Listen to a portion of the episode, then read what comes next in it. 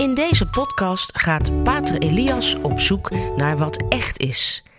Hij gaat de uitdaging aan om een zo helder mogelijk beeld te vormen van hoe de wereld in elkaar steekt. Dit is de Pater Podcast.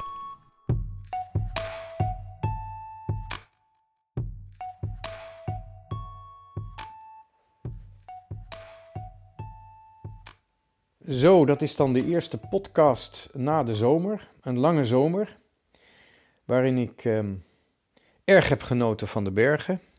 Ik mocht er naartoe om top te beklimmen, maar ook om te bidden. De beste combinatie die je in de vakantie kunt maken. Dichter bij God komen en ehm, prachtige hoogtepunten beleven, zoals eh, beklimmingen van een berg met anderen. Het is een, eh, een plezier dat je deelt met anderen. Het gebed deel je met God en God deelt zichzelf mee aan ons in het gebed. In de stilte die we opzoeken, maar waar we in feite God in opzoeken.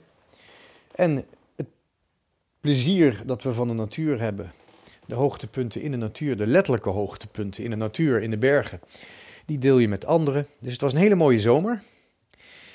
Uh, maar er waren in de wereld ook andere gebeurtenissen deze zomer die um, belangrijk zijn geweest en ook beslissend zijn geweest. En ja, over die gebeurtenissen zullen we het nog uh, de komende podcasts, uh, de komende uitzendingen van de Pater Podcast, zullen we nog, ja, daar zullen we nog uitgebreid op ingaan. En bij stilstaan en over nadenken.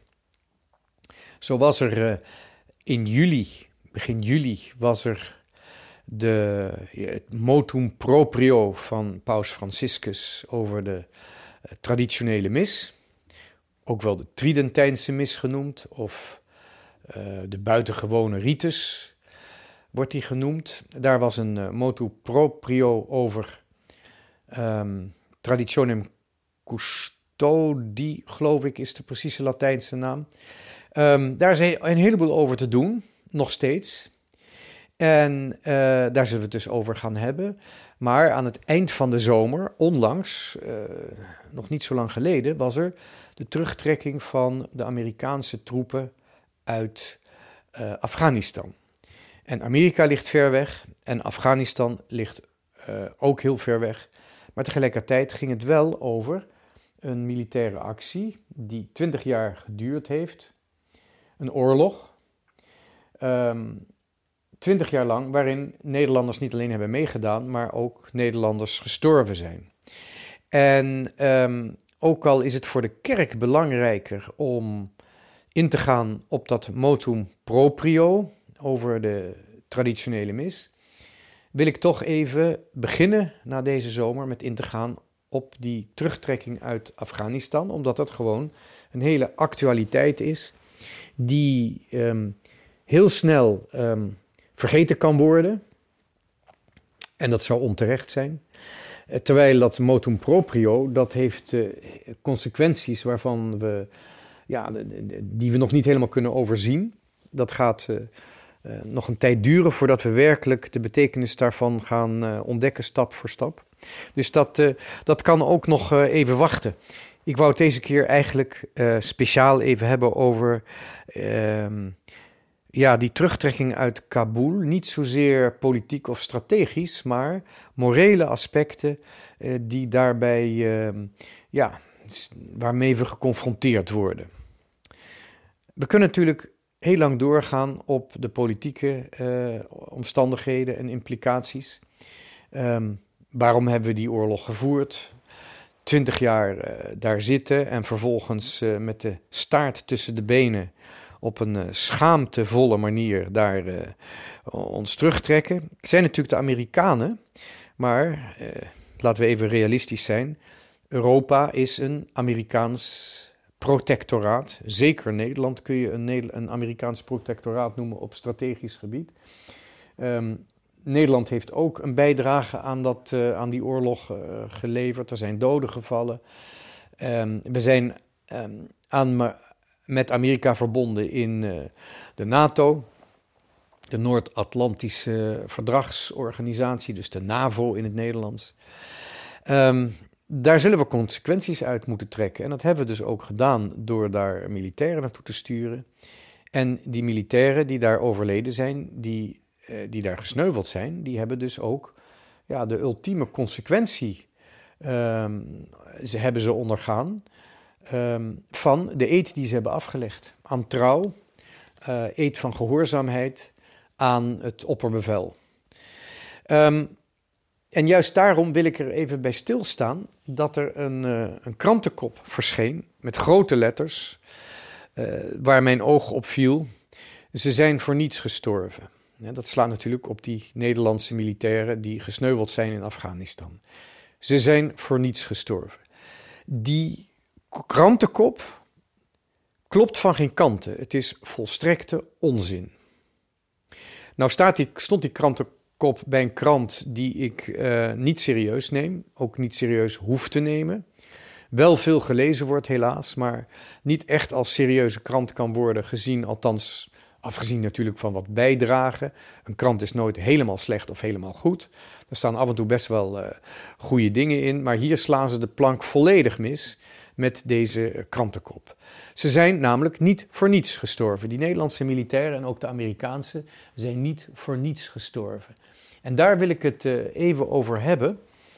Want dat is uh, een aspect, dat is niet meer politiek dat is uh, moreel, het is persoonlijk. Het is, die, die, die, die, die krantenkop is niet politiek, maar die komt op een hele gewelddadige manier, komt die huiskamers binnen van, van vrienden, van familieleden, van gesneuvelde militairen. Je raakt hier iets, een heel persoonlijk vlak, ver van de politiek. En um, die krantenkop is zo verkeerd en, en zo gewelddadig verkeerd, dat daar moet ik gewoon even wat aandacht aan wijden. Nee, het moet een keer gezegd worden, het moet herhaald gezegd worden. Ze zijn niet voor niets gestorven. En het feit dat um, dit idee leeft bij een heleboel nabestaanden van gesneuvelde militairen. Um, het idee dat, uh, dat, dat is immens triest. En dat moet, uh, dat moet de wereld uitgeholpen worden. Ik kan me heel goed voorstellen dat die gedachte opkomt bij een heleboel mensen, bij een heleboel nabestaanden. Ze zijn voor niets gestorven. En toch is dat niet waar. Het is onzin. Laten we even, gewoon even de zaken op een rijtje zetten. Um, laten we even de zaken op een rijtje zetten. Dat wil zeggen, laten we eens kijken wat een leger is. Een leger is een, um, uh, ja, is een gemeenschap van mannen en tegenwoordig ook vrouwen die hun leven uh, inzetten, die bereid zijn hun leven te riskeren om de gemeenschap waar ze bij horen, ik ga het even heel abstract zeggen, de gemeenschap waar ze bij horen uh, te verdedigen, indien nodig. Dus een, uh, in feite is een, een, militair is, is iemand die uh, zijn capaciteiten, zijn gezondheid, uh, ook, ook zijn, zijn, zijn verstandelijke capaciteiten ten dienste stelt van het land, de gemeenschap waarvan hij houdt. Het is allereerst uit liefde voor het land dat iemand zijn, uh, zijn leven riskeert. Hè. Dat, daarin onderscheidt een gewone militair zich van een huurling. Een huurling die zegt gewoon: Ik ben aan het gokken. Hè, of ik, ik kan misschien doodgaan, maar als ik niet doodga, dan uh, maak ik flinke winst. Of ik verdien er wat aan. Het is natuurlijk een beetje een hele rare gok. Het is een soort van veredelde Russische roulette als je een huurling bent. Maar ja, de meeste jongens die huurling zijn, die zijn wel zeker van hun zaak. Die zeggen, het zal zo vaart niet lopen. Maar een, uh, een, militair die een land vertegenwoordigt en land verdedigt, die heeft natuurlijk een hele andere morele insteek. Of het nou een, een hooligan is of, uh, of een, uh, of een ex-zakenman, een militair, die is bereid zijn leven te riskeren voor de gemeenschap. En dat doet hij omdat hij heel goed beseft dat in deze wereld iedere gemeenschap, ieder volk dat in vrede wil leven of al leeft, ieder volk van waar, waar met een goede gemeenschappelijke basis, die, dat loopt gevaar. En dat gevaar, daar zullen dus, daar moet je mee omgaan. Een militair die is, uh, is bereid geweld te gebruiken en ook uh, zich bloot te stellen aan geweld, zodat de mensen die hij lief heeft thuis niet aan dat geweld worden blootgesteld. Zo eenvoudig is het gewoon. En een militair gaat natuurlijk naar de buitengrenzen en de politie heeft eigenlijk dezelfde uh, morele insteek, de morele keuze, maar dan over gevaren die binnen het volk, binnen het land uh, spelen. Het is, is wat dat betreft dood eenvoudig, maar ook al is het eenvoudig, het is wel een zaak van leven en dood. leven of dood. Het is aan de rand van dit leven speelt zich de, ja, het fenomeen leger, de, de, de, militaire instelling. Dat, dat, ligt, dat speelt zich af aan de grens van het leven. Niet alleen aan de grens van het land, maar ook aan de grens van het leven. Dat weet iedereen die in een leger zit, of althans ze horen het te weten. En waarschijnlijk weet ook iedereen in het leger weet dat heel goed. En vandaar dat het ook helemaal niet gek is om hele begrijpelijke, menselijke angst te overwinnen. Eh, om dat te overwinnen is het heel normaal dat er een, beetje een macho-cultuur in een leger uh, bestaat. Dat is helemaal niet erg, dat is gewoon natuurlijk. En uh, daar moeten wij gewoon respect voor hebben en, en begrip voor hebben. Ja. Ik heb af en toe het idee dat macho-cultuur, dat is een, woord dat is uitgevonden, uitgevonden door... Um, types die, die mannelijkheid uh, verafschuwen. Hè. We hebben het ook al over uh, giftige mannelijkheid. Toxic masculinity, dat is ook een term die vaak gebruikt wordt. Maar toxic masculinity of giftige mannencultuur of macho-cultuur, dat is gewoon een natuurlijk fenomeen wat onder mannen kan bestaan om ja, elkaars angst te helpen overwinnen. Zo eenvoudig is het. En die angst is wel degelijk gerechtvaardigd, want in een leger of bij gewelddadige acties, uh, ja, komt je lichamelijke uh, gezondheid en zelfs je leven komt gewoon in gevaar. Um, dat weet je binnen een leger. En daarom is er ook een bepaalde ordening binnen een leger. er zijn allemaal rangen om dat leger, dat vaak bestaat uit ja, jongens die best wel autonoom kunnen denken en best wel ehm, ja, individualistisch kunnen zijn om toch met dat leger één geheel te vormen. Een eenheid te vormen, als het ware, als één lichaam of belichaming van, um, van kracht te kunnen uh, functioneren. Daar, daarvoor is die ordening, daarvoor is die hiërarchie nodig. Dat hoort allemaal bij de natuur. Waar de militair natuurlijk het meest kwetsbaar in is, afgezien van het feit dat hij zijn leven riskeert, maar de grote kwetsbaarheid van die militair die in een hiërarchische structuur zit, is dat hij uh, deel uitmaakt van een piramide waarvan de top in de wolken hangt. De soldaat uh, gehoorzaamt degene die, of neemt bevelen in ontvangst. Hè, dat klinkt wat mannelijker, een bevel opvolgen. Maar het is natuurlijk eigenlijk heel erg goed te vergelijken met, uh, met de gehoorzaamheid in een klooster. Um, die bevelen die krijgt hij van hoger. En hij moet ook weer bevelen geven, een militair, aan de rangen die lager zijn. Het vervelende is dat als je naar boven klimt, dan kom je op, het, op een ogenblik uh, kom je dicht bij de top van de piramide en dat is niet meer het leger. De generaal, of de, de topmensen van het leger, die moeten gehoorzamen, die moeten bevelen of orders opvolgen van mensen die geen militair meer zijn, namelijk de politici. Degene die verantwoordelijk zijn, niet alleen voor het leger, maar voor dat hele land wat dat leger vertegenwoordigt. Dus de top van de piramide zit in de wolken. En dat betekent dus dat um, de, de, de, de gezagsstructuur buiten het leger eindigt en dat de militair, van generaal tot Jan soldaat, zijn leven riskeert als gevolg van orders die buiten het leger worden geformuleerd. Die, worden, die komen van buiten. En of dat nou een koning is in een paleis, of een dictator in een mooie villa, of een knuffelmuts uh, in een parlement waar men ja, denkt of meent uh, het volk uh, volmaakt te vertegenwoordigen, want ze zijn gekozen. Wie je ook uh, gehoorzaamt, van koning tot parlementaire knuffelmuts,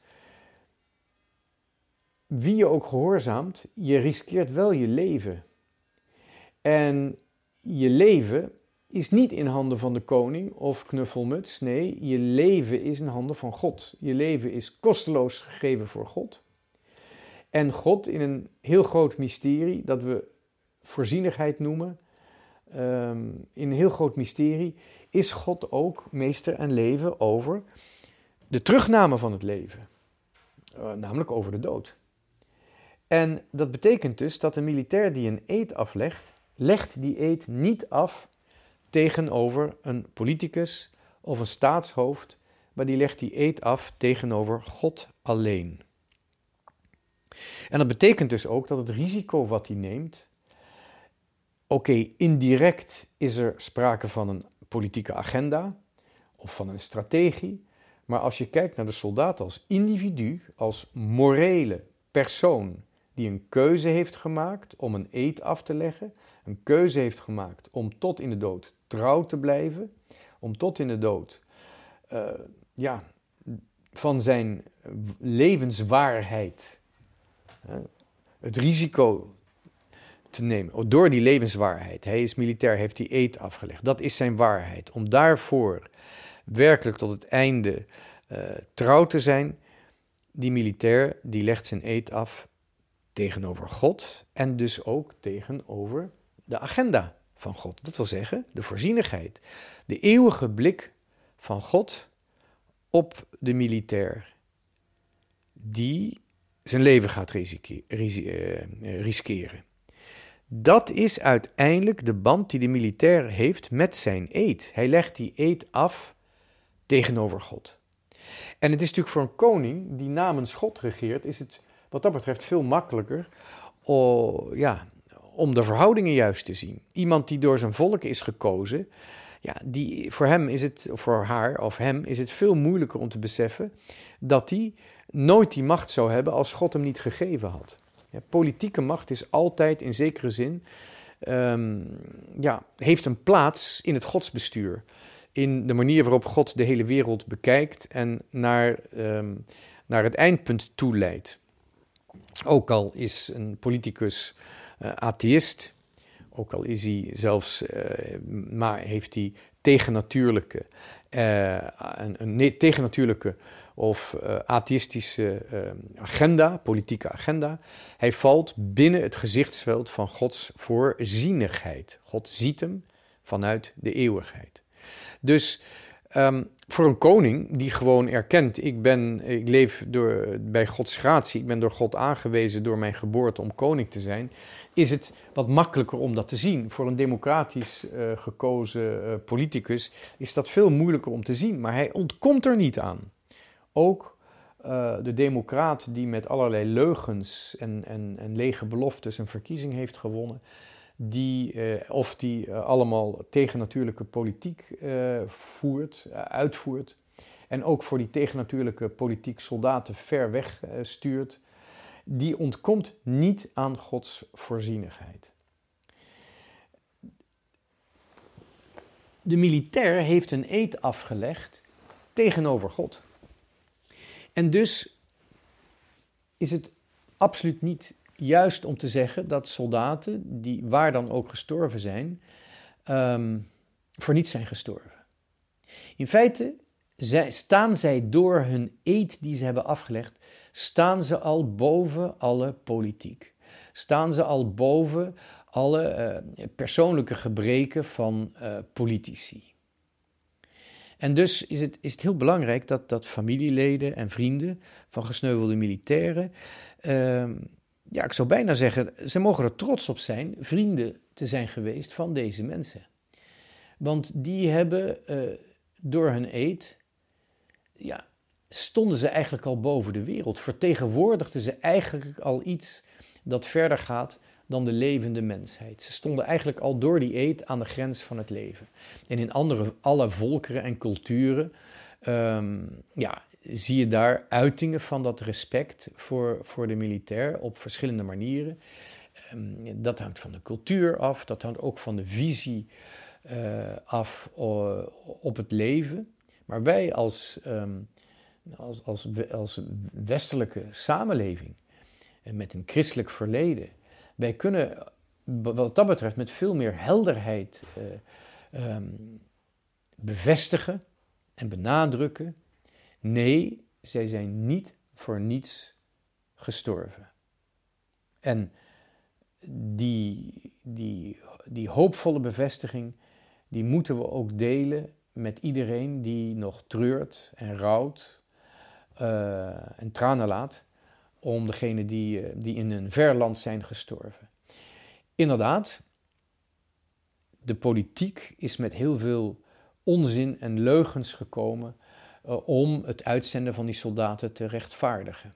En daar, uh, kijk maar eens naar die bizarre video's die worden gemaakt om mensen in het Nederlandse leger te recruteren. Um, de Nederlandse video's die het hebben over vrede en veiligheid in de wereld.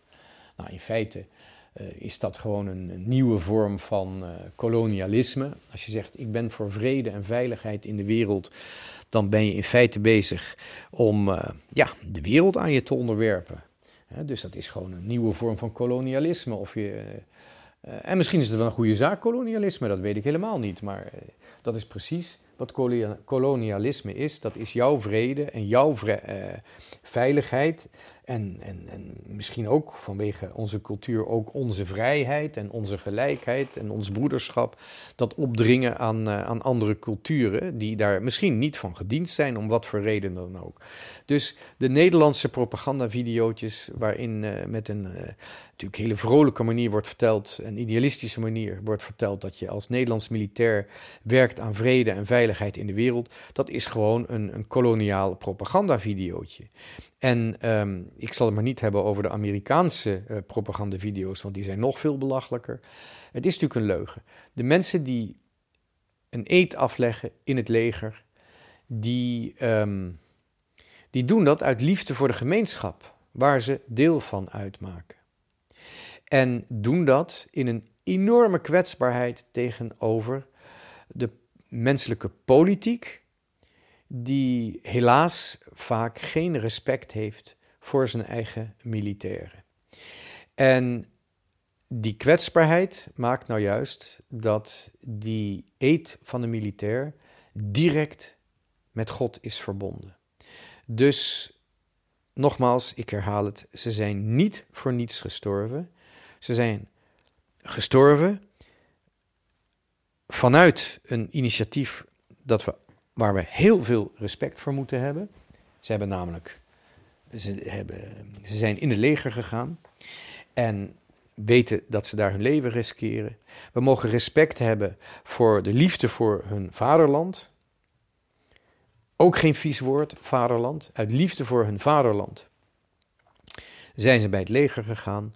En we moeten ook respect hebben voor de politieke kwetsbaarheid waaraan de militair zich heeft blootgesteld de motivatie waarom ik deze uh, podcast zo uh, ja, geïmproviseerd maak, is dat ik uh, een aantal militairen ben tegengekomen die gevaar hadden gelopen, die oorlogsgeweld hebben meegemaakt en die ook gewond zijn geweest en kameraden hebben verloren.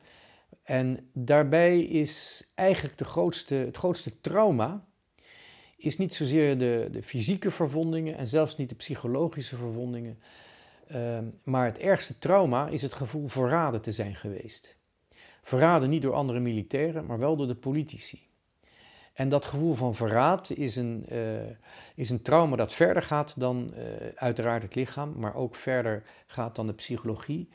Um, het gevoel verraden uh, te zijn en in de steek te zijn gelaten, dat is de verwonding die het diepste uh, de militair treft.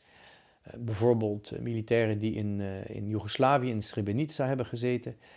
Um, en dat gevoel dat, dat je verraden bent, dat is alleen maar op te lossen. Daar kan geen psycholoog of psychiater of geen arts kan daar mee omgaan.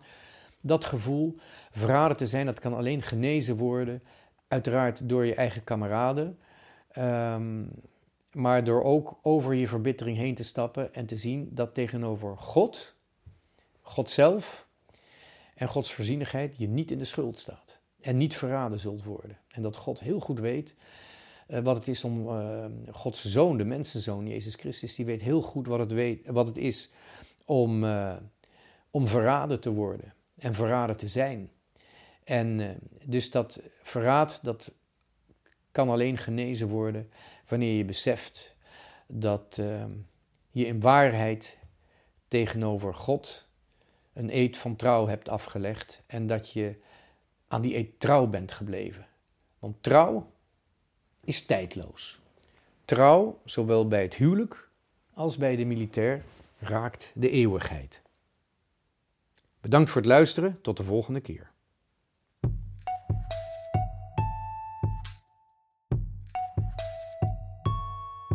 Dit was de Radio Maria Pater Podcast met Pater Elias.